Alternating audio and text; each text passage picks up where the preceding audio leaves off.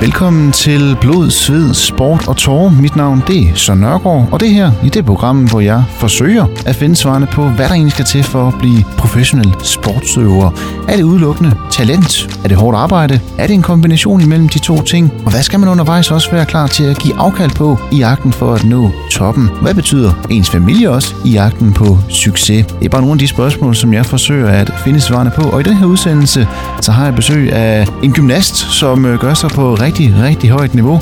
Han øh, er medlem af det danske Team Gym Mix landshold. Han har vundet, u, øh, eller han har vundet junior EM for Mix. Han har også vundet senior EM for Mix. Han hedder Mathias Seup og er 25 år gammel. Velkommen til, Mathias, og tak fordi du gerne vil være med. Jo, tak. Mathias, øh, du har sagt ja til øh, hen over den ja, næste øh, 50-60 minutters penge og, og snakke lidt om din vej ind i, i gymnastikken og hvordan den har udviklet sig fra, fra man var helt ung til, til hvor du står i dag og hvordan det egentlig ser ud. Og, og lad os da egentlig bare starte lidt med, med begyndelsen. Du er 25 år gammel i dag, men hvornår kastede du dig egentlig ind i, i gymnastikken? Var det ligesom så mange andre, da man var de der ja, et par måneder, et år gammel, og så blev man sammen med forældrene sendt til, til gymnastik, eller hvordan startede det hele? Jamen, øh, altså det lyder jo ikke helt forkert. Jeg er øh, født og kommer ud af en, øh, en stolt gymnastikfamilie. Øh, både min mor og far øh, kender hinanden og har mødt hinanden gennem gymnastik, og min far har været træner. Jeg vil nærmest indtil han måske også et par år efter, han havde mig, og min mor har været udøver, indtil hun blev gravid. Så jeg tror, at det har, det har ligget meget i kortene. Så ja, mor bare gymnastik, og så, øh, så tror jeg nærmest aldrig rigtigt, jeg har været ude af det. Nå, du siger selv, du, du er nærmest født ind i, i gymnastikken, men, men, men altså igen, når man, når man er de der ja, så unge, som man er, der er det jo bare sjov og spas, og, og bare for, fordi forældrene gerne have, at man, man, man skal gå til et eller andet.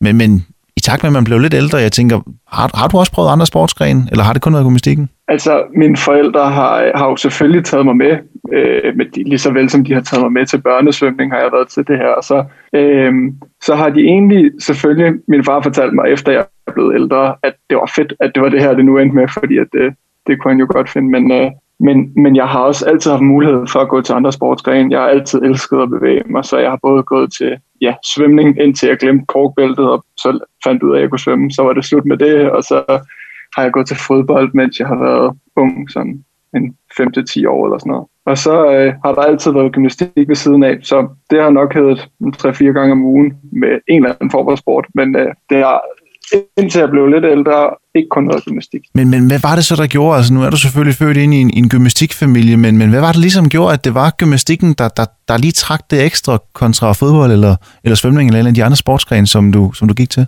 Altså, øh, jeg, tro, jeg, tror, øh, jeg tror, mit mindset også som helt ung øh, har været meget sådan selvkritisk og resultatorienteret. Og jeg, jeg var altså det er blevet bedre, men er det stadig ikke sådan super god til at tabe, men jeg var rigtig dårlig til at tabe, da jeg var yngre. Og, og det faldt jo sådan ud, at jeg gik på, øh, på et hold i, i Helsinge, hvor jeg kommer fra, hvor der bare var en mega fed gymnastikkultur og, øh, og nogle hold, hvor vi, altså sådan, så var de i de lavere øh, divisioner og sådan noget, men man følte, man vandt noget, og det kunne jeg rigtig godt lide, og jeg havde nogle gode venner, og så, øh, så var det meget op imod fodbold, kan jeg huske, og der blev jeg simpelthen ind i, at jeg, at jeg blev for sur på mine medkammerater, når vi tabte og sådan noget. Jeg, det var, altså, ja, det kunne også sagtens være blevet den vej, men øh, jeg befandt mig bare rigtig godt i gymnastikmiljøet. Ja, fordi kan du ikke fortælle mig lidt mere om, altså jeg har selv en søster, som har også styrket rigtig meget gymnastik, men hvad er det for et miljø, man kommer ind i? Altså ja, igen, du er ude af en gymnastikfamilie, så du kendte det måske lidt på forhånd, men hvad er det for et miljø, det der gymnastik? Altså det er jo, øh, altså nu kan jeg jo ikke snakke på, øh, på altså i forhold til alle sportsgrene, men, men i forhold til fodbold og sådan noget, så synes jeg, det er en, øh, det er jo mere en niche-sportsgren. I Danmark er det okay stort, men generelt er det en niche-sportsgren. Det er ikke allemands eje at lave gymnastik, så man på en eller anden måde, så er det enormt lokalt, og der er både mulighed for at lave konkurrence og opvisning, men det er også altså, enormt sådan, hvad kan man sige, man, får, man kommer rundt i hele landet, der er gymnastikkonkurrencer, øh, ja, jeg kan fandme, jeg hører, jeg har kørt til Randers, jeg ved ikke hvor mange gange, mens jeg har været lille, og det gi- giver sådan en god sådan det giver sådan en god følelse af, at hele Danmark er, er sammen om det på en anden måde. Hvor fodbold, det er jo noget med, at man tager, til, ja, man tager lige ud til de lokale, og så spiller man mod dem tre gange om året. Så gymnastikken har den der den nærhed, der er omkring, øh, det er drevet af frivillige ildsjæle, og det er meget sådan lokalt. Og, øh, men samtidig har det også øh, det der nationale over sig, fordi at man simpelthen kommer rundt i hele Danmark, og man øh, møder en masse hold og møder en masse mennesker, som, øh, som man nok ikke gør på de her sportsgrene, hvor, der, altså, hvor man mere konkurrerer lokalt, når man specielt er mindre. Men jeg tænker jo også ude i det lokale, som siger, man, der er jo stævner, når første sæsonen kører, så er der jo stævner hver weekend, hvor man som siger, kan rejse hele landet rundt, afhængig af, hvor, hvor, hvor højt niveau man er på. Men jeg tænker ja. også, inden for, for lokalforeningen, man får vel sådan en form for, for familiefølelse? Helt bestemt. Øh, og det kommer så jo nok også af, at, øh, at gymnastik er båret af frivillige, og det er båret af, at altså, jeg tager aldrig nogensinde tjent nogen som helst penge på det her. Jeg tværtimod, det har kun gjort mig fattig at lave gymnastik. Så det er også sådan en følelse af, at man, man, der er ikke sådan nogen, man gør det ikke for, øh, for noget andet, end at man selv skal synes, det er fedt. Det er en amatørsport, hvor der er fuld udvikling i at professionalisere det, men det er stadig, altså det har stadig mange aspekter af, af sådan amatørsporten, og det er alle de kvaliteter, der er i det, så det synes jeg egentlig er, er ret vidunderligt. Ja, så, så det er udelukkende på grund af passionen, kærligheden til gymnastikken, ja. at, at du, du bliver ved? Bestemt. Det, er, øh, det har altid været passionen for gymnastik, der har båret det, og det har altid været, øh, været det, der har været, altså målet har været at levere nogle præstationer, men det er jo ikke fordi, at det har betydet noget i forhold til, om jeg så skulle, skulle studere ved siden af. Det har jo aldrig været et spørgsmål. Det, jeg ved godt, det her det er for et øjeblik, og så, øh, så kommer der også noget andet. Men kan du ikke tage mig lidt tilbage øh, til tiden igen, til, til de helt unge dage med, med gymnastikken? Fordi igen, altså, hvornår begynder du ligesom at finde ud af, øh, at nu er det ikke bare sjov ballade, altså nu, nu, nu kan jeg egentlig, og nu er jeg også sådan okay god inden for, for gymnastikken? Mm, mm, det, er jo, altså, det er jo noget med, altså jo mindre man er, jo, øh, jo altså, jeg ved sgu ikke, hvordan man skal forklare det. Jeg tror, jeg tror at, at jeg altid har tænkt, at at så var jeg da rimelig god på det hold, jeg nu engang var, og så i takt med, at jeg rykkede, jeg har været efterhånden et par steder, så blev jeg sådan mere og mere bevidst om, at, at der var nogle, tung, nogle, altså var nogle ting, jeg havde nemmere ved, og der var nogle ting, der gik lidt hurtigere, og elskede simpelthen bare at træne, så det var også sådan en, ja, jeg tror, jeg tror, at det må have været sådan en 10-11 års alderen, der begyndte jeg at opdage, at øh, der var der i hvert fald et eller andet, jeg kunne. Men hvad, hvad var det, der lige gjorde, at du, at du, du, du havde den der følelse af, at okay, det er faktisk rimelig god til det her? Jeg tror, at, øh, at jeg var ude til nogle øh, konkurrencer, hvor at jeg øh, jo ikke havde nogen idé om, om man kom i første division eller i anden division og sådan noget. Men man kunne se, at lige pludselig så var der jo, altså så lavede man det samme, som, øh, som alle de andre gjorde, af dem, der var i de gode divisioner. Så det var sådan en, nå, den har oplevelse. Men nu siger du også, altså det var jo også øh, igen, du er en, en gymnastikfamilie. Hvad betød det egentlig også at have sine forældre med fra, ja, fra begyndelsen af? At have med, have med på hele, hele rejsen? Mine forældre har i, øh, i alle aspekter, både de gode og de svære ting øh, omkring gymnastik, været fuldstændig uerstattelige. Jeg har, øh, da jeg startede med at, gymnastik, til at gå til gymnastik, der var det i en øh, lidt mindre klub, øh, Helsinge, hvor vi havde, altså der var nogle opvisningshold, nogle konkurrencehold, men øh, lige pludselig begyndte der også at være sådan en lille smule frafald på holdet, og øh, vi kunne godt se, at sæsonen efter, der ville det nok være lidt bøvlet at samle et rigtig godt hold der. Øh, og der var mine forældre, altså jeg, altså jeg kan næsten ikke sige, hvor taknemmelig jeg er for det, men de var bare enormt gode til at sige, så finder vi bare ud af, hvad vi gør. Øh, og det endte med, at jeg øh, kom til øh, Gladsaxe, som ligger en halv, til, en halv time til 40 minutter væk i bil. Og så havde, var de bare dem og nogle andre, som øh, ligesom satte sig sammen, og så kørte de en gang om ugen derind. Og det gjorde de jo nærmest indtil vi selv fik kørekort. Så det var en, øh, ja, det kunne jeg jo nærmest ikke have klaret mig uden. Men var det så også, da du laver det første skift, at du finder ud af, okay, niveauet det var måske også højere Gladsaxe, og det er jo også med til at, at netop presse dig til også at blive bedre, eller, eller hvordan? Ja, øh, altså, man, altså, jeg var jo blandt nogle af dem, der ville det mest i Helsinge. Og da jeg kom til Gladsaxe, var der jo, altså, så var vi lige pludselig en, en håndfuld af drenge, der bare brændte for det og pisse gerne ville det. Og øh, ja, så tror jeg bare, at, at, at det var noget af det, der også skulle med til at rykke mig. Der var nogen, der kunne nogle ting, som jeg ikke helt kunne, og der var nogen, som, altså, som kæmpede for at kunne det samme. Så det var, altså, det var øh, nogle kanon gode venskaber, men også altså, en konkurrence internt, der virkelig flyttede noget. Men hvad giver det også, at man i, i, i så unge en alder, fordi jeg tænker også, man kan hurtigt se dem, der, der, der hurtigt inden for springen, altså hurtigt kan lave de der flikflaks og så videre i en ung alder. Okay, hvis de vil det, så kan de godt drive det langt.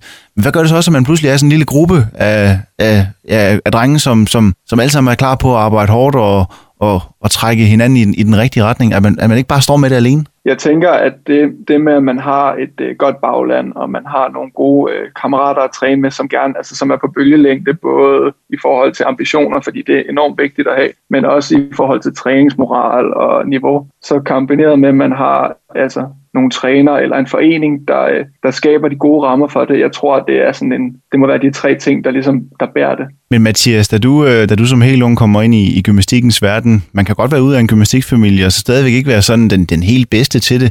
Hvor, hvor god var du egentlig der til at, til at starte med, hvis du tager, tager baby-gymnastikken væk? Øh, men, men da du sådan begynder sådan, sådan rigtigt til gymnastik, altså hvor, hvor god var du egentlig? Øh, ja, jeg var sgu nok, øh, jeg var sgu nok sådan rimelig, altså jeg havde nok ret meget flere for det. Jeg var, øh, jeg var rigtig dygtig, da jeg var, øh, da jeg var i min juniorår. Øh, og så kom der nogle skader, som lige satte mig lidt tilbage, øh, og det er så kommet lidt, nu er jeg kommet lidt igen. Men, øh, men jeg, tror, jeg tror egentlig altid, at jeg har haft rimelig meget flere for det. Men, men, men det, det er jo så egentlig fantastisk, at man har haft både flere for det, men man så også samtidig haft en indstilling med, at man, man, man også godt kan lide at træne, og man er klar til også at, at lægge noget, ja. altså en masse timer i det. Altså det er det også helt klart øh, krævet, fordi mm, som jeg sagde, så havde jeg måske flere for det, da jeg var yngre, men det skal jo så også siges, at øh, altså, jeg er 91 høj, og jeg tror, jeg tror nærmest, man godt kan sige, at jo lavere du er inden for gymnastik, jo nemmere kommer der nogle ting til dig. Det er sådan ren i forhold til, hvor hurtigt kan du øh, rotere og sådan noget. Man ser jo redskabsgymnaster er det bedste eksempel,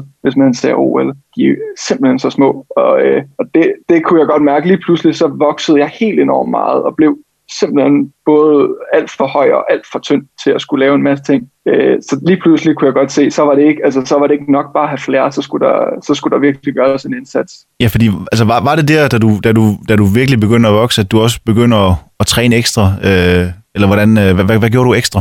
Altså jeg tror, man er i sådan en, da jeg var en 14-15 år, jeg tror, det var nærmest lige meget. Jeg trænede som, altså, jeg trænede simpelthen så meget, jeg overhovedet kunne, og jeg spiste alt, hvad jeg kunne, men jeg, altså, det var fuldstændig umuligt at, at skulle følge med de andre i forhold til, om man skulle tage på, om man at blive sådan mus, altså muskuløs og sådan noget. Jeg, det var bare en lang, tynd bønsdag. Øh, så jeg tror, jeg har gjort alt, hvad jeg kunne, og det har nok også altså, hjulpet mig senere, men, men i mange år var jeg fysisk ikke så stærk, selvom jeg synes, jeg gjorde alt, hvad jeg kunne. Men er det så også i sådan en periode, hvor man overvejer, er det så alligevel gymnastikken, jeg skal gå med, eller skal jeg droppe det? Ja, yeah, det, det kan da godt være. Jeg, altså, jeg, når, hvis jeg tænker tilbage, så synes jeg ikke, at det har været en... Uh, altså, jeg synes stadig, at jeg godt kunne følge med. Jeg kunne bare godt mærke, at, uh, at der skulle ligges noget ekstra. Det, og det har jeg egentlig aldrig rigtig været så ked af. Det synes jeg egentlig bare gjorde, at, uh, at det var endnu federe, når man så fik lavet et nyt spring, eller man fik præsteret et eller andet. Og hvor lang tid går du så før? Altså nu, nu kommer du ind omkring, øh, du har været med til at vinde, vinde junior-EM i, i mix.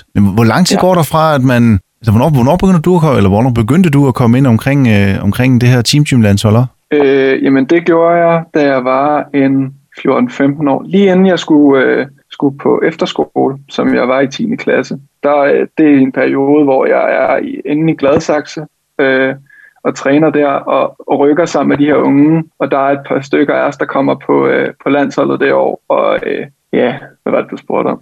Det var bare det her med, altså, øh, altså det, altså hvornår, hvornår, hvornår det var, du begyndte at komme på landsholdet, og det der med, at man i, i så ung en alder kommer ind omkring det, altså stadig 14 år, øh, 14-15 år, det, det er jo stadig tidligt at komme ind omkring, altså der, der skal man også tage nogle valg i forhold til, når, altså for der, der, der tænker jeg, så er det, så er det ved at være seriøs, hvis, hvis landsholdet begynder at holde øje med en. Så, så mere den, den der, altså hvad man tænker om at komme på landsholdet i så ung en alder. Øh, da vi blev tilbudt det, det er sådan noget meget i perioder, fordi man træner op mod et EM specifikt. Da jeg blev tilbudt det der, lige inden jeg tog på efterskole, så var det, altså, det var en kæmpe drøm, og jeg var simpelthen så glad for det. Og så, altså, jeg er jo en dreng, og jeg tænkte ikke så meget over tingene måske, men da jeg så kom på efterskole, så kunne jeg også godt mærke, at, at det valg, jeg havde taget mig, at jeg skulle til samlinger i weekenderne øh, og sådan noget, det havde konsekvenser, for det betød også, at jeg, jeg missede den første weekend på efterskolen og sådan noget. Så lige pludselig blev det meget sådan, alle de valg, du tager, har, øh, har konsekvenser. Øhm, ikke at jeg fortryder det overhovedet, men, men det var ligesom om, at det var ikke noget, jeg... Altså, det kom ligesom til mig, at det valg, jeg havde taget, lige pludselig havde en konsekvens. Det var ikke rigtig noget, jeg sådan vejede op, inden jeg sagde ja. Og var det en øh, gymnastik efterskole, du også tog på? Ja, det var Vejstrup Efterskole. Og, og, og hvad, hvad gav det der netop også at, igen komme ud i et nyt miljø, men stadigvæk med masser af fokus på, på, på gymnastikken. Det ved jeg, Vejstrup, det er jo en af dem, der er kendt øh, på Fyn for netop at, at have, have gymnastikken i højsædet. Altså, at man stadigvæk kommer ned og, ja, igen i et nyt miljø, men, men i stadigvæk med, med en gruppe af mennesker, som, som har den samme passion for, for gymnastik, som du også havde. Ja, men jeg, jeg havde det som en fisk i vandet på efterskole. Det var jo alle de ting, jeg godt kunne lide. Jeg, jeg kunne egentlig godt lide at, at gå i skole også, øhm, så det synes jeg, jeg var god til at få struktureret. Men lige så snart, at, at skolearbejdet var færdigt, øh, så var jeg bare nede i hallen og springe. Og det var, altså, det er nok et af de bedste år, jeg har haft i mit liv. Det var, da jeg gik på efterskole. Og netop det her med at være i det rigtige miljø, have de rigtige træner måske også på de rigtige tidspunkter, det er noget, det vi snakker videre om lige efter et kort stykke musik.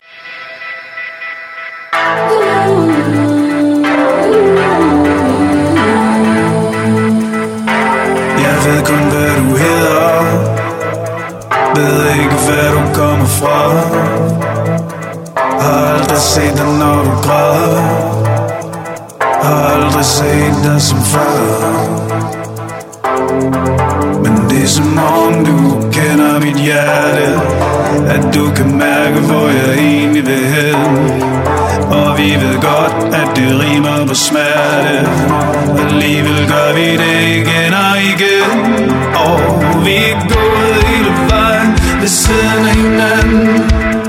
Vi har slået os ved siden af hinanden. Og vi har råbt, vi har tabt De har skubbet, de har skabt os ved siden af hinanden. Vi er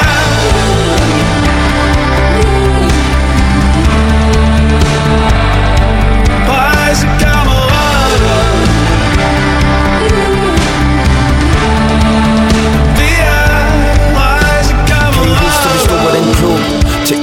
efterfest Absolut rav, syv heste, snikker JNF Mano og mano Ud i verden. Vi ser måske ikke de samme ting Men jeg ser, hvem du er, min ven. Visdom til den, der venter. Vi søger ind i os selv, hvor vi henter. Den kærlighed, der kan ændre. Frekvenser ændrer os mennesker. Ja, nogen griner, nogen pegede fingre Men som olympisk fakkel er det ild, vi bringer. De må overgive sig, før tiden render Hør havet kalder, Simon ringer. Vi er bølger, som følger hinanden. Vi følges ad indtil vi rammer strand. Vi hænger sammen, står sammen, falder sammen Og så rejser vi os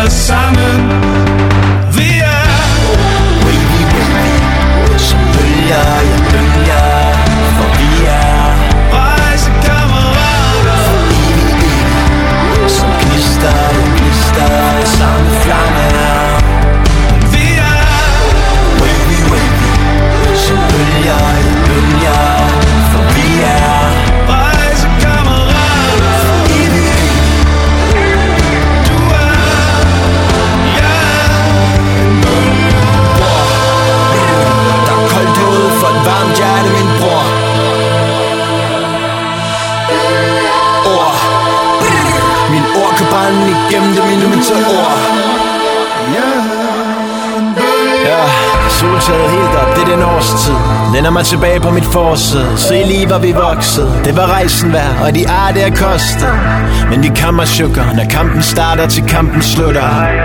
Det er den følelse, hvor for ramme skrig til hylde står. De kunne ikke fange os, selvom de tonsede. Kom, kom, kom. Nu er vi på vejen igen, som om at vi tumlede Ingen sved i min håndflade. Kaster aldrig mit håndklæde. Fyldt op med god energi. Jeg føler alt andet end tomhed. Vi er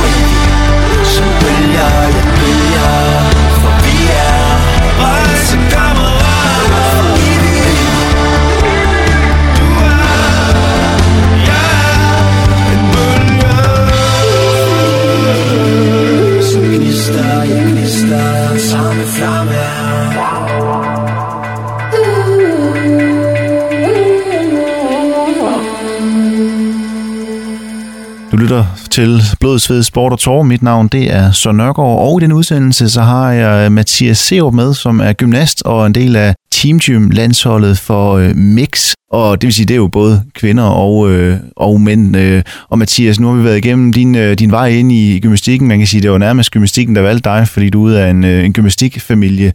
Men, men du har taget os lidt med på turen øh, op igennem øh, de unge år til, til teenageårene, hvor du begynder at komme ind omkring juniorlandsholdet, faktisk samtidig med, at du skal på efterskole. Du tager så til, til Vejstrup ned på, på Sydfyn. Hvor meget spiller det også ind, at du har haft, øh, eller hvor meget spiller ens træner også ind? Altså nu sagde du til at starte med, at det var det egentlig din far, som, som trænede dig meget, men, men hvor meget har, har trænerne også spillet ind i, at du, at du har udviklet dig sådan, som du har gjort inden for gymnastikken?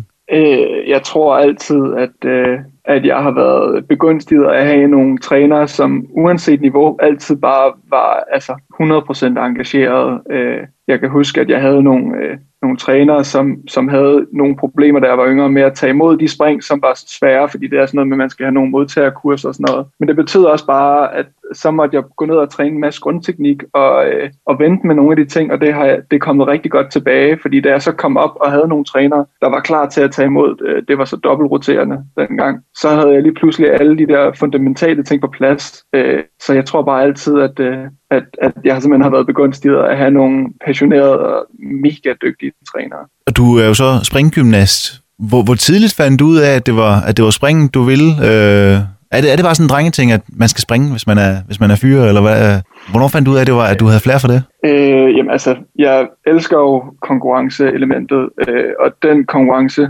den, den disciplin, det ligesom er at lave gymnastik. Der er jo redskabsgymnastik og sådan noget. Og, øh, men der er, den, jeg, det, jeg går til, hedder jo teamgym, og det er sådan en, øh, en tredel sportsgren, hvor man både laver mini-trampolinspring, øh, som er noget forlandsspring, noget baglandsspring på banen, og så også noget rytmisk. Så det er ikke kun spring, men, øh, men primært spring, må man sige. Altså, så det vil sige, du, du laver faktisk også både altså rytmedelen og det hele? Ja, jeg laver også noget rytme. Og hvordan er det så, at man ikke kun skal fokusere på én ting, men faktisk, som du siger, egentlig skal omkring tre forskellige øh, former for disciplin, at øh, man skal være sådan rimelig altid? Det er jo sådan en, altså det er jo, det er jo et det er jo et element, som, hvor højden ikke på samme måde siger noget, så derfor har det, jeg synes det i hvert fald har været noget af det, der har været til min fordel, at hvis ikke jeg så kunne lave det aller sværeste spring, øh, som man skulle bruge i rækken, så var jeg så til gengæld ham, som kunne øh, gå forrest, når det handlede om rytme, og så være skarp på de ting, der er øh, inden for det, kunne sine rytmiske ting og kunne sine momenter, og det det så er bygget op af der. Og nu er du så en del af, af Team Gym-landsholdet for, for Mix. Er det noget, man selv vælger, eller er det sådan lidt tilfældigt, om man kommer for øh, Mix-landsholdet, eller om senior herre, eller hvordan? Øh? Øh, det er ikke noget, man selv vælger. Øh, det har været lidt varierende. Jeg skal nok lige korrigere det lidt, fordi at, at landsholdet øh, er desværre blevet øh, sløjfet for den her omgang. Øhm, fordi at corona jo har sat en stopper for det. Der skulle have været et EM nu her, og først så blev det rykket, og nu er det endt med simpelthen bare, at Danmark har trukket sig. Så øh, det er lidt på en billig baggrund at sige på landsholdet lige nu, fordi der er ikke rigtig noget. Men, øh, men jeg var der på det. Førhen har du været på landsholdet, og vi håber selvfølgelig, at når coronaen den, øh, den, den har trukket sig godt tilbage, og folk er blevet vaccineret, at, øh, at Danmark stiller op igen, og du selvfølgelig er en del af det nok engang. Jeg kunne godt tænke mig, Mathias, du fik sagt før det der med, at øh, da du startede på, på efterskolen nede på, på Vejstrup på Sydfyn, det var også lige der, du kom ind omkring juniorlandsholdet, øh, og der fandt du hurtigt ud af, at din valg, det, det har også nogle konsekvenser. Ja. Hvor svær er den balance at finde i så unge en alder? Det der med, som du siger, man, i stedet, især når man lige starter på efterskole, det er jo et år, man som jeg hører, er nærmest det bedste år, det er det her, man får lært rigtig meget om sig selv, man får skabt en masse nye venskaber, man vil gerne være en del af, af efterskolemiljøet, men, men der er så også hurtigt nogle ting, du må, du må sige nej til, tænker jeg. Hvad er det for en balance, jeg skal finde? Jeg tror, det er en, det er en meget individuel ting, og det er jo også meget sportsafhængigt. Øh, gymnastik er jo ikke på samme måde sådan en, en sport, ligesom svømning er, hvor man skal i vandet noget hver morgen og morgentræne. Øh, så på den måde er det meget, sådan, det bliver holdt lidt væk fra skole, men det har enormt meget at sige i forhold til ens weekender og aftener generelt. Øh, og der, der tror jeg, man, der bliver man simpelthen nødt til at finde noget, øh, noget motivation øh, i, at det sociale også skal være til stede. Fordi ellers så, så tror jeg simpelthen, man løber tør i det. Men hvad er det så betydet for dig, at du i, i så unge en alder skulle tage stilling til, jamen der er nogle ting, jeg må vælge fra øh, på grund af gymnastikken? Jeg ved ikke rigtigt. Jeg synes, jeg synes at jeg har været... Øh, enormt heldig, at de hold, jeg har været på, også de landshold, at jeg har fungeret øh, godt socialt der og haft, øh, altså også skabt nogle venskaber den vej igennem, så, øh, så selvfølgelig var man lidt mindre til stede på efterskolen, og det synes jeg var ret svært, øh, specielt i starten. Men, øh, men, men jeg fandt ud af, at folk kunne godt acceptere, at jeg ikke altid øh, eller jeg kunne ikke kunne være til den efterskolefest, men altså, de synes jo, jeg var okay alligevel. Men jeg tænker også, en ting er jo efterskolen, hvor igen, der går du med nogen, som også dyrker, øh, dyrker gymnastik og har glæden for det, men jeg tænker også, når man så også kommer i gymnasiet, der er jo også igen nogle fester, man må sige nej til, og, og igen være, være lidt mindre social med, med dem i weekenderne, fordi der er nogle stævner og sådan noget, men, men er man kommet ind i det mindset, at jamen, det er sådan, det er nu? Altså, jeg tror, at træning i hverdagen er jo mere et spørgsmål om vaner. Altså, jeg har altid været vant til at træne om aftenerne, så det er jo, altså, når folk de hører, at det er det, jeg laver også nu, når jeg går på universitetet, så tænker altså, så siger de, hold op, at du har overskud til det, men jeg kan jo slet ikke forestille mig, hvordan mit liv skulle være uden, så det er jo sådan bare noget, altså, det er bare noget, jeg gør. Øhm, i, øh, da jeg gik på gymnasiet, der øh, valgte jeg nogle ting fra, men der skete egentlig også det, at efter jeg havde været på øh, seniorlandsholdet den første gang, så fik jeg en, øh, en korsbåndsskade, som betød, at jeg ikke rigtig kunne træne øh, gymnastik hele, ja, hvad må det have været? Det må have været det sidste 2G og hele 3G. Netop det her med skader, det er noget, det jeg godt kunne tænke mig at komme ind på, på lidt senere, hvad det også har haft af, af betydning. Men, men jeg kunne godt tænke mig at hæfte mig lidt med, med, med din træning. Du siger jo selvfølgelig, det, det ligger jo selvfølgelig om aftenen, man træner, men Hvornår begynder du at træne flere gange om ugen, end bare den her en-to gange, man normalt gør i, i de små år på sådan lidt mere ja, øh, amatørniveau sådan for alvor, hvor det ikke er, er konkurrenceplade? Altså, hvornår ligger du på træningsmæssigt også? Det tror jeg hele tiden har været der, fordi enten så gik jeg gik jo til gymnastik to gange om ugen, og så gik jeg jo til fodbold en eller to gange om ugen ellers. Og så var det jo da, der lige pludselig blev sat, sagt, nu skal vi træne tre gange om ugen, så måtte jeg jo tage et valg. Øh, øh, og så blev det jo så tre gange om ugen, og så øh, nu her senere, så er det blevet tre gange om ugen med øh, to styrkepas, altså hvor vi er nede og styrketræne. Og det, det, har, det er blevet sat meget i system, ligesom at sporten er blevet mere professionaliseret nu her. Men jeg har jo altid sørget for at, at fysisk træne også, så jeg, jeg tror bare, det har været sådan kontinuerligt fra barn over i, i voksen, at jeg bare har trænet meget i hverdagen også. Men når man så træner de her tre gange, og så er der så kommet styrketræning oveni også, hvor, hvor meget træner man så? Altså, hvor mange timer har du, bruger du øh, på, på gymnastikken? Øh, jamen, jeg træner to og en halv time mandag, tirsdag, torsdag. Så træner jeg... Det har været lidt bøvlet med corona, fordi at vi ikke har kunnet styrke træne her i Odense, hvor jeg bor. Øh, så der har vi skulle køre til Svendborg også, dernede, hvor vi har øh, lavet gymnastik, fordi der har vi kunne få adgang til øh, faciliteter til at styrke træne. Så det tager jo også en to-tre timer, og det har jeg gjort en gang om onsdagen, og så en gang i weekenden. Men, men er der så noget, er der så noget, man sådan specifikt træner på, man kan sige, nu, nu hvor du står nu her som 25-årig, er der noget, du sådan er mere specifikt, altså i dag, onsdag, der træner vi kun øh, med fokus på, øh, på afsæt i spring, eller et eller andet, eller et, et, nyt, øh, et nyt skru, man vil øve sig på? Eller er det sådan en meget bred træning, øh, man, man kører? Det er meget sæsonorienteret. Vi træner jo altid op mod øh, konkurrencer, så i starten af året er det noget med at få brændt nogle nye ting af, og se, hvor man står henne, og så bliver det mere og mere sådan konkurrenceorienteret. Man får trænet lidt mere på nogle specifikke spring, og man, øh, man, altså, man har nogle deadlines til nogle forskellige ting. Øh, så det starter måske med at være meget, øh, meget bred træning, hvor man ikke kan sige, her skal vi det her mandag, og det her skal vi så om torsdagen. Men, øh, men bare lidt mere med, altså, med at få det prøvet af. Og så øh, senere så bliver der lagt nogle ret stramme planer for, hvad vi skal nå, og hvilke spring vi skal have nået at køre og sådan noget. Og da man så var yngre, var det noget, man overhovedet tænkte over, eller var det bare, bare det at komme derned og kunne få lov til at, at springe lidt og lave lidt rytme? Øh, altså, hvornår kom den der overgang fra, at man, man tænkte lidt mere over den træning, man gik og lavede? Jamen, øh, det er jo en, en blid overgang. Jeg tror først det efter jeg begyndte at gå i gymnasiet, jeg satte pris på, at der var nogen, der skrev, hvad vi skulle lave til træning, inden jeg kom, så jeg mentalt kunne sætte mig op til, at i dag, altså før det, der blev jeg jo bare positivt eller negativt overrasket over, at så kunne jeg ikke få lov at lave det, jeg lige havde tænkt, men øh, ja, så var det bare noget andet. Og jeg har kunne lide alle elementerne af gymnastik, så det er jo ikke fordi, at, at jeg overvejede at ligge mig syg den dag, hvor vi skulle springe baglæns. Men, men har det også trods alt været godt, at man så i de unge år netop bare øh, har skulle møde op, og så lidt mere bare fokusere på, at igen, lave det, man, man godt kan lide, at, der ikke, at det på den måde ikke har været så seriøst i forhold til træning også, men at man bare har kunnet nyde og lave det gymnastik, man nu elsker. Altså, det synes jeg jo er fantastisk. Den lejende tilgang, og det med at, øh, at have, altså være bredt sportsligt funderet, ikke at skulle specialisere sig alt for tidligt, det er jeg kæmpe fortaler for, fordi jeg tror, at det er sådan en, det skaber sådan en god kropsforståelse, og det giver, en, øh, altså det giver et mindset af, at man gør tingene, fordi man synes, at det er, det er sjovt, og ikke fordi man skal. Altså kravene skal nok komme senere. Og der kom jo også øh, lidt krav øh, til dig, da du øh, kommer ind omkring øh, det her øh, junior øh, mix team gym landshold. Kan du huske tilbage, den første gang du til et, øh, et stævn med, med landsholdet? Jamen det er jo, øh, vi laver som, som udgangspunkt, vi træner op mod EM, så det er EM i 12. Det er, det er den første konkurrence, jeg har med dem, og jo så også den eneste. Øh, der var jeg fandme nervøs.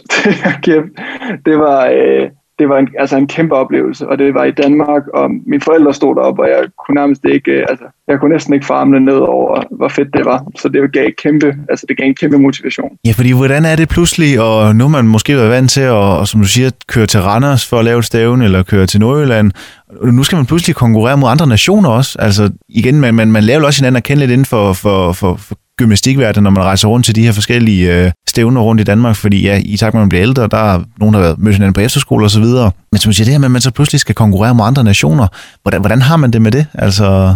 Altså, det, det første EM, jeg var til, var jo i Danmark, så der var det jo, altså, på hjemmebane. Der var selvfølgelig tilskuere fra andre lande, men det er jo altså en helt anden følelse. Det er jo en kæmpe hal, hvor at, ja, måske var 80% enige om, at det fedeste i verden kunne jo være, hvis vi vandt. Så det er jo en, øh, altså man er dygtig i gymnastikmiljøet til at hæppe på alle, men det er lidt noget andet, når, når, når nærmest hele hallen hæpper på en. Det var, det var mega fedt. Men du siger alligevel, at du var nervøs. Hvorfor? Ja, helt vildt. Oh, jamen det er jo, jeg tror, det, er jo, det kommer så nok af, at jeg, altså, det er nok også det, man når langt med, det er, hvis man er selvkritisk, og man er en vinder, og man, er, altså, man har mange forventninger til sig selv, men det er jo også noget af det, der så gør, at det kan være altså, enormt angstprovokerende, det med tanken om at skulle fejle. Men det gik jo så meget godt, Mathias. Hvad er det så for en, for en, en følelse, man så står bagefter med, når, når man så ser altså, de mange timer, man har lagt i det? Det har så også båret frugt. Øh det er jo, altså som sagt, det er en kæmpe motivation, og det er bare jo også videre. Jeg kan jo se årene efter det, at det, der, altså, der har jeg virkelig rykket mig meget, og det kommer så simpelthen af, at jeg bare har været mega motiveret, og jeg har kunne se, at øh, jeg har oplevet, hvordan det er, og det skulle jeg bare prøve igen. Og det har du så også øh, gjort efterfølgende, med, med, med også på seniorniveau, men øh, du har også øh, sagt det her med, at der har altså også været nogle skader undervejs, nogle nedture. Det er noget, det jeg vil gerne spørge lidt mere ind til på den anden side af et lille stykke musik.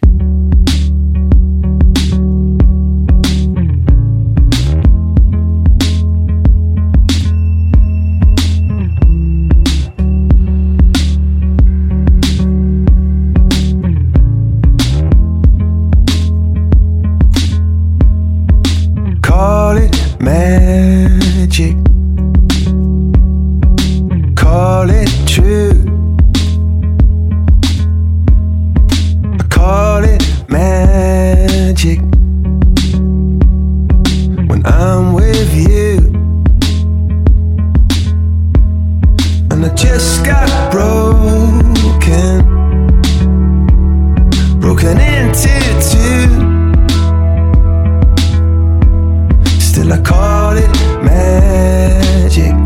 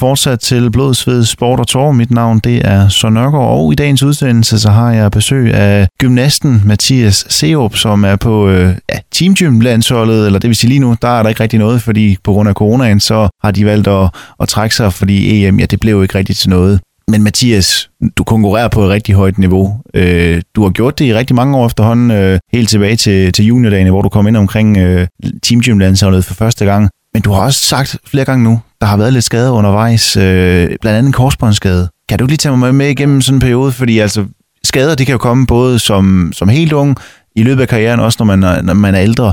Hvordan, hvordan taklede du sådan en, en, en korsbåndsskade her, da du, øh, da du egentlig er på et rigtig højt niveau inden for gymnastikken? Altså hvis, man skal, hvis jeg skal prøve sådan at, at tegne et billede af, hvor jeg var henne, så var jeg, øh, altså jeg, jeg var på måske det højeste niveau, jeg har haft. Jeg havde været på junior mixlandshold, jeg havde været på senior mixlandshold. Jeg gik og drømte om, at jeg skulle på, på verdensholdet, og at øh, jeg havde lige meldt fra til et, øh, et seniorherrelandshold også, fordi at jeg så gerne ville det andet. Øh, og der, jeg, kan, altså, jeg kan huske det som var det i går. Der gik ikke mere end en uge, jeg har haft den samtale om, at, at, jeg, at jeg fokuserede på verdensholdet, så det var det, jeg skulle, for at jeg så altså, skulle til en konkurrence, og jeg så smadrede mit korsbånd. Og det var, øh, jeg havde aldrig rigtig været skadet før, så det var, øh, det var et kæmpe reality check. Det var det virkelig.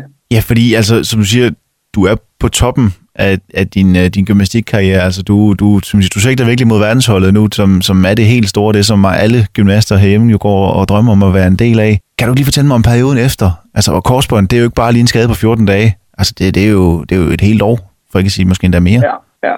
Det var, øh, det var, det var et helt år plus lidt, fordi man jo også påtænker, at, at efter et år, så kan man gå sådan helt i gang, og så skal man altså også lige ramme sine ting igen. Jeg tror, at, øh, at det jeg oplevede, det var, at øh, det var mens jeg gik i øh, gymnasiet, og, øh, og det er jo ikke fordi, at, at mine venner, de havde valgt mig, fordi at jeg var Mathias, der gik på landsholdsgymnastik. Bestemt ikke. Altså, de synes måske nærmest, det var lidt irriterende, at jeg ikke kunne noget hele tiden. Øhm, men alligevel så havde jeg sådan en følelse af, at jeg skulle, sådan, jeg skulle finde ud af, at jeg skulle skabe mig en ny identitet. Lige pludselig så var jeg ikke ham, der gjorde det, eller altså sådan, jeg kunne ikke rigtig bygge min person på, hvad jeg præsterede. Så det var, øh, jeg kom i sådan en, en, en, en lille identitetskrise, og jeg, mine forældre har været enormt gode til at snakke med mig om det. Men øh, det, var, altså, det var en ret stor overraskelse, at jeg ikke var mere afklaret på det, end, øh, end jeg så viste, end det viste sig, at jeg var. Ja, fordi hvordan taklede du den? Altså var det, var det igennem snak med, med forældrene, eller, eller måtte der også anden form for hjælp til?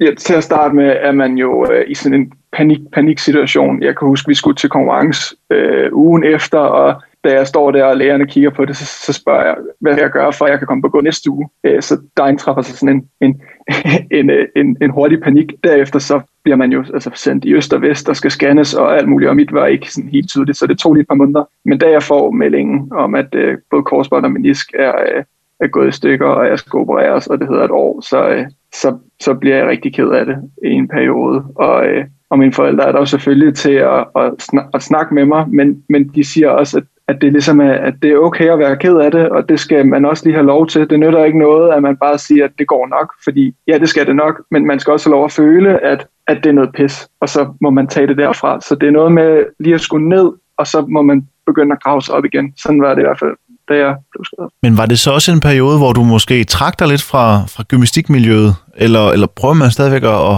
at have den der nærhed, som nu kan lade, så meget som nu kan lade sig gøre? Øh, jeg forsøgte øh, i starten at finde motivation i at komme derind. Jeg ved, at jeg på et tidspunkt også blev, øh, altså blev ramt af, at, at det var næsten for svært at skulle sidde i hallen og kigge på det. Så min møde, altså min, ja, jeg mødte måske ikke lige så meget op som, som altid, men det var en periode, og det er jo genoptræning, så på et tidspunkt kom jeg jo også tilbage i det igen. Øhm, senere hen har jeg haft en, øh, en akillessenskade, øh, som var en akillesen, der også sprang. Og der var jeg meget dygtigere til at blive i hallen, og, øh, og holde mig der. Men første gang, der kunne jeg godt mærke, at det var, det var lidt for hårdt at være i hallen til at starte med. Det er jo også to øh, alvorlige skader, du har været, været udsat for. Er det noget, der på noget tidspunkt har fået dig til at tænke, okay, gymnastikken, det er, det er et overstået kapitel for mig, nu, nu kan jeg kaste mig over noget andet? Eller har du hele tiden haft den der til, til sig selv, at jeg skal, jeg, skal, jeg skal komme tilbage? Æh, første gang, da jeg sprang mit, altså, da jeg sprang mit korsbånd, der var jeg 100% sikker på, altså jeg var jo kun 19 år gammel, jeg var 100% sikker på, at det var bare, øh, altså det var bare et spørgsmål om, hvor hurtigt og hvor, hvor, hvor stærkt jeg kunne komme tilbage. Jeg fandt kæmpe motivation i, at nu blev det ikke det verdenshold, men så må det blive det næste, og landshold og alle de her ting. Så det var en kæmpe, altså det var en kæmpe faktor til at starte med, at, at det var bare det, jeg skulle.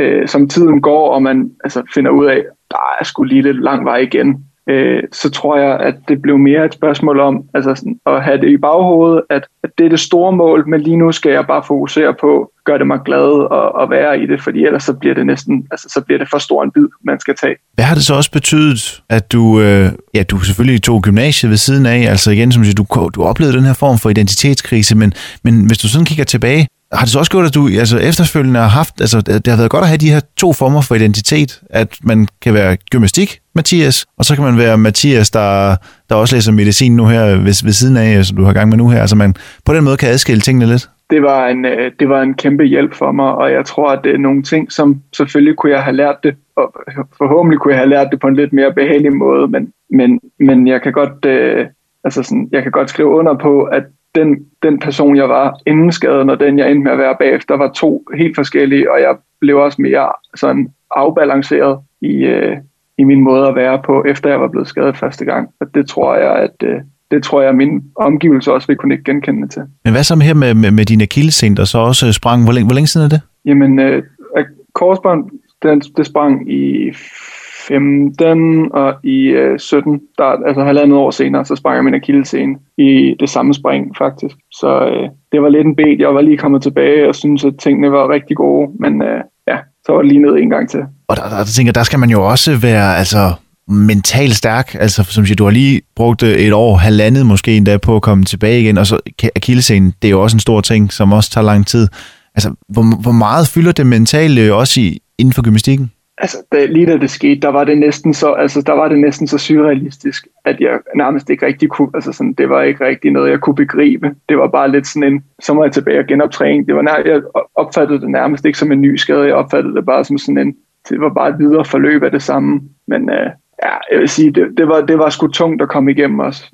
det, på et tidspunkt begynder jeg i hvert fald at tænke, at, at nu må motivation være, at, at jeg skal tilbage og være øh, fuldstændig førlig, og det må ikke gøre ondt, og, og gymnastikken og skulle tilbage til topniveauet er, er, er selvfølgelig en vigtig faktor, men det er redskabet og motivationen til at komme tilbage og få, øh, altså, at få det godt i min krop igen. Øh, så det var lidt en plan, at jeg i hvert fald skulle tilbage, og så se, hvor godt det blev. Øh, men at jeg var ret afklaret med, at hvis jeg fik en skade mere, så var det nok. Så var det nok det. Og du har jo kæmpet dig tilbage og igen er en del af, af teamgymlandsholdet, når der ikke lige er, er corona. Øh, men men og der, der er det igen det mentale spil, jeg tænker, altså fordi du, du skal vel også, altså igen har arbejdet så meget med det mentale, at du efter at komme tilbage fra både et korsbånd og, og en sprængende kildescene, til næste gang du springer, så når du kommer tilbage og siger, jamen det, skader skal jo ikke fylde noget, når man først hænger det op i luften, fordi så er det først, det går galt. Så der tænker jeg, der må du også have arbejdet meget med det mentale øh, efter sådan to alvorlige skader det, altså skaderne skete i det samme spring, så ligesom, man, altså ligesom det, det gode gamle udtryk er, at man skal op på hesten, det var nærmest det første, jeg skulle. Lige så snart jeg havde krop og fysik til det, så skulle jeg ned og lave det spring igen, fordi det skulle bare ikke være en, øh, en ting, jeg var bange for. Øh, og det er jo selvfølgelig en kæmpe sejr at komme over det, men det tror jeg er virkelig vigtigt, at man, øh, hvis det er muligt, altså lige får set sin, øh, sine dæmoner i øjnene. Ja, ja fordi hvad, hvad, hvad har det betydet for dig, at, at du er kommet igennem det spring så hurtigt, som, som det nu kunne lade sig gøre? Øh, det gjorde, det gjorde, at min proces omkring det mentale med at skulle springe igen, den, det var nok mere simpelt, end, end, end, end jeg tror, andre mennesker har oplevet det. Jeg var egentlig rimelig... Det, altså, da den var vinget af, så var der egentlig ikke så meget i mig mere, som var bange. Nogle gange kan jeg godt mærke, hvis jeg laver en landing, som, som minder om dem, så kan jeg godt lige få sådan et... Øh, uha, så springer mit, mit hjerte lige et slag over. Men, men, men jeg er blevet god til at takle det. Og også det her med at takle at man er skadet, at man er helt nede i kulkælderen. Hvordan holdt du motivationen op? Altså var det bare som det der mål, man havde, at, at den, den, det, skal ikke, det skal ikke være det her, der gør, at jeg stopper til, til gymnastik. Det skal, være, det skal være mig selv, der vælger det. Eller hvad, er det, hvad var det, der, der ligesom holdt dig oppe? altså, den der fandme voldsked i, at det skal, det skal ikke være skaden, der lukker min karriere. Det var en, altså en kæmpe motivation. Samtidig er jeg også blevet bevidst om nu her, når jeg træner, øh, at altså, min krop er, øh, kan måske ikke tåle lige så mange gentagelser som mange andre, og det betyder også, at jeg bruger noget ekstra tid på fysisk træning, og at jeg også en gang imellem sidder lidt ude med skader.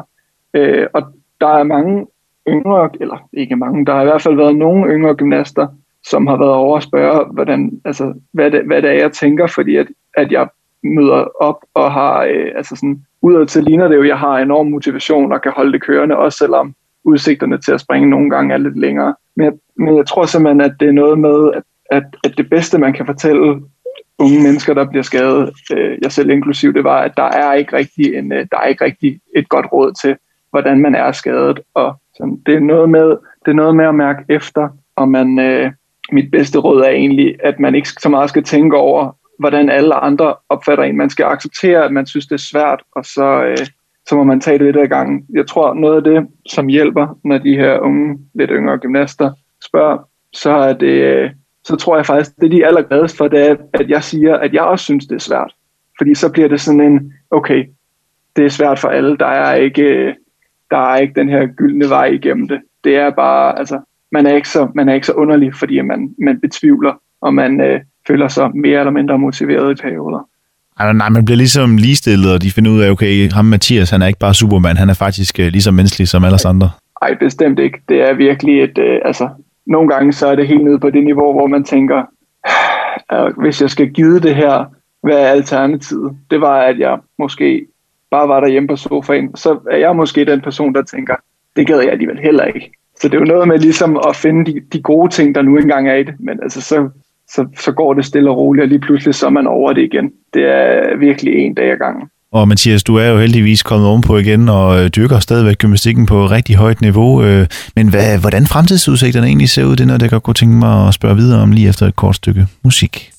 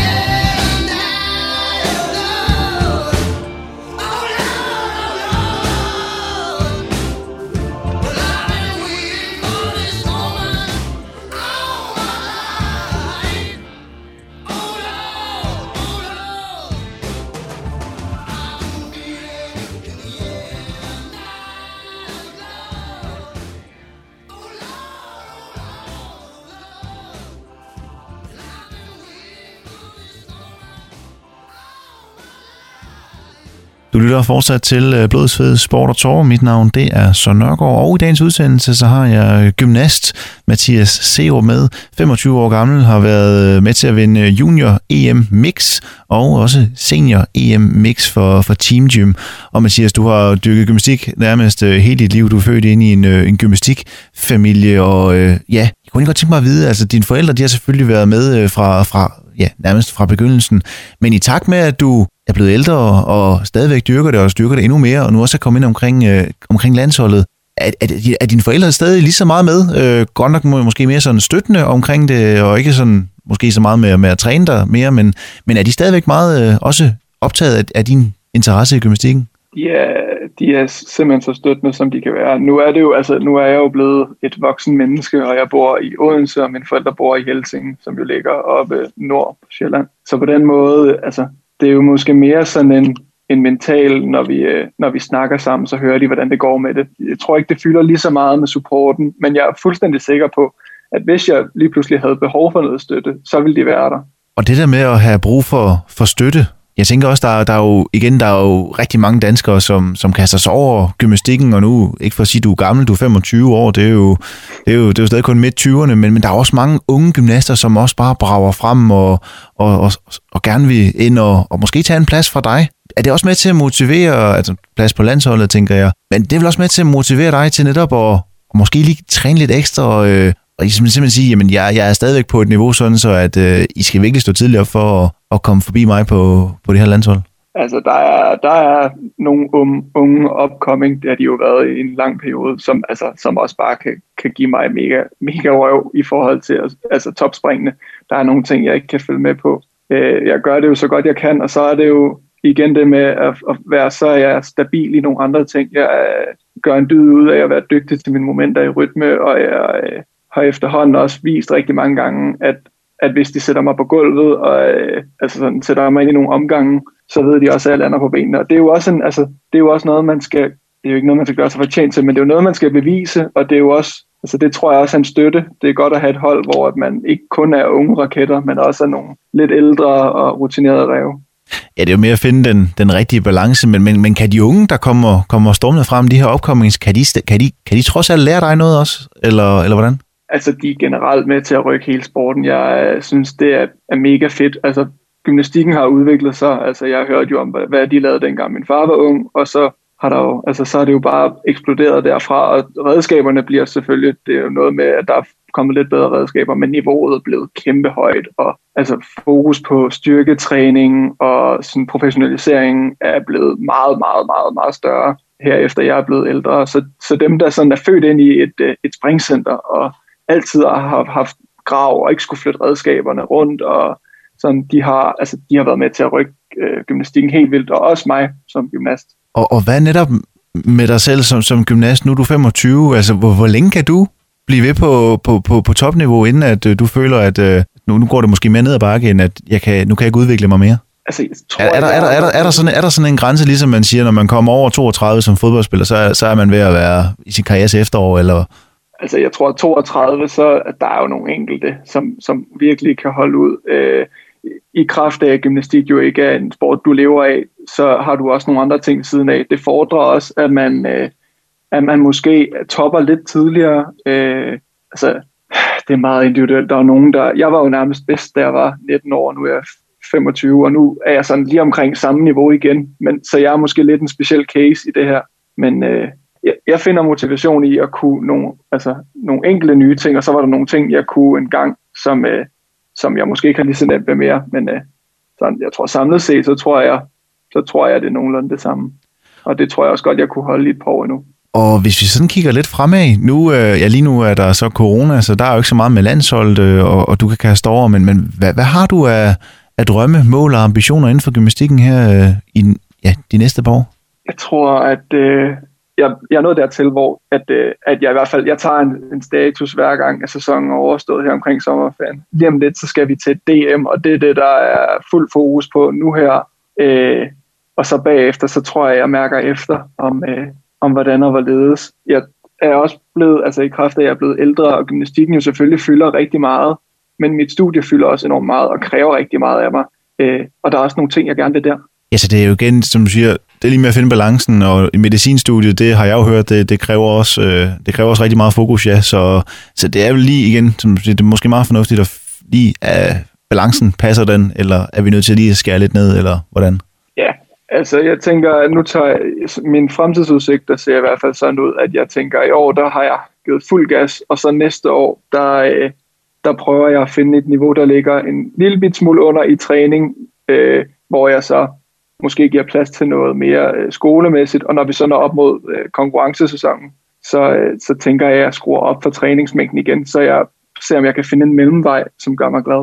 Og det er jo det, det hele handler om, øh, Mathias, det der med, at man skal være glad for det, man laver selvfølgelig. Her til allersidst, nu har vi snart snakket i en times tid. Hvis du øh, skulle give et råd til, til nogle af de unge folk, som øh, ja, måske øh, går og er i gang med ja, gymnastikken i en alder af en 4-5 år, eller måske på vej ind i gymnastikken i en lidt senere alder, fordi de har været på efterskole. Hvad er dit bedste råd, du kan give videre til, til de unge folk, som, som også gerne vil, vil nå langt med gymnastikken? Jeg tror, mit bedste råd, det er simpelthen bare at klø på, fordi at øh, jeg har set rigtig mange mega dygtige gymnaster, som fadede ud tidligt, fordi at de synes det var måske var for nemt. Og så har jeg set nogen, hvor jeg har tænkt, du er simpelthen en fighter, men du har ikke, øh, simpelthen ikke det samme talent. Og de modbeviser mig bare rigtig ofte, fordi at det er, det ligger simpelthen bare så meget i motivationen og i at blive ved. Der er altså bare nogen, der bliver mega, mega dygtige, også i en senere alder. Og det tror jeg egentlig ikke er, øh, det tror jeg faktisk ikke er noget skidt, for de plejer som regel at være ret ydmyge omkring det, og det er nogle, det er nogle ret fede personligheder, som, øh, som blomstrer sent, og det tror jeg ikke, man skal være ked af. Altså man skal ikke være ked af, at man ikke er den bedste, når man er ung. Så det er det. Det synes jeg er en fantastisk øh, note at slutte på. Altså øh, giv gas, og øh, ja, gør det, du er glad for. Så øh, skal du altså nok nå langt. Mathias, jeg siger mange tak, fordi du var med, og så øh, ja, rigtig meget fortsat held lykke med, med gymnastikken i, i fremtiden også. Jeg håber, at der kan være plads til både øh, medicinstudiet og også øh, karriere inden for, for gymnastik. Tak fordi du var med. Jo, tak.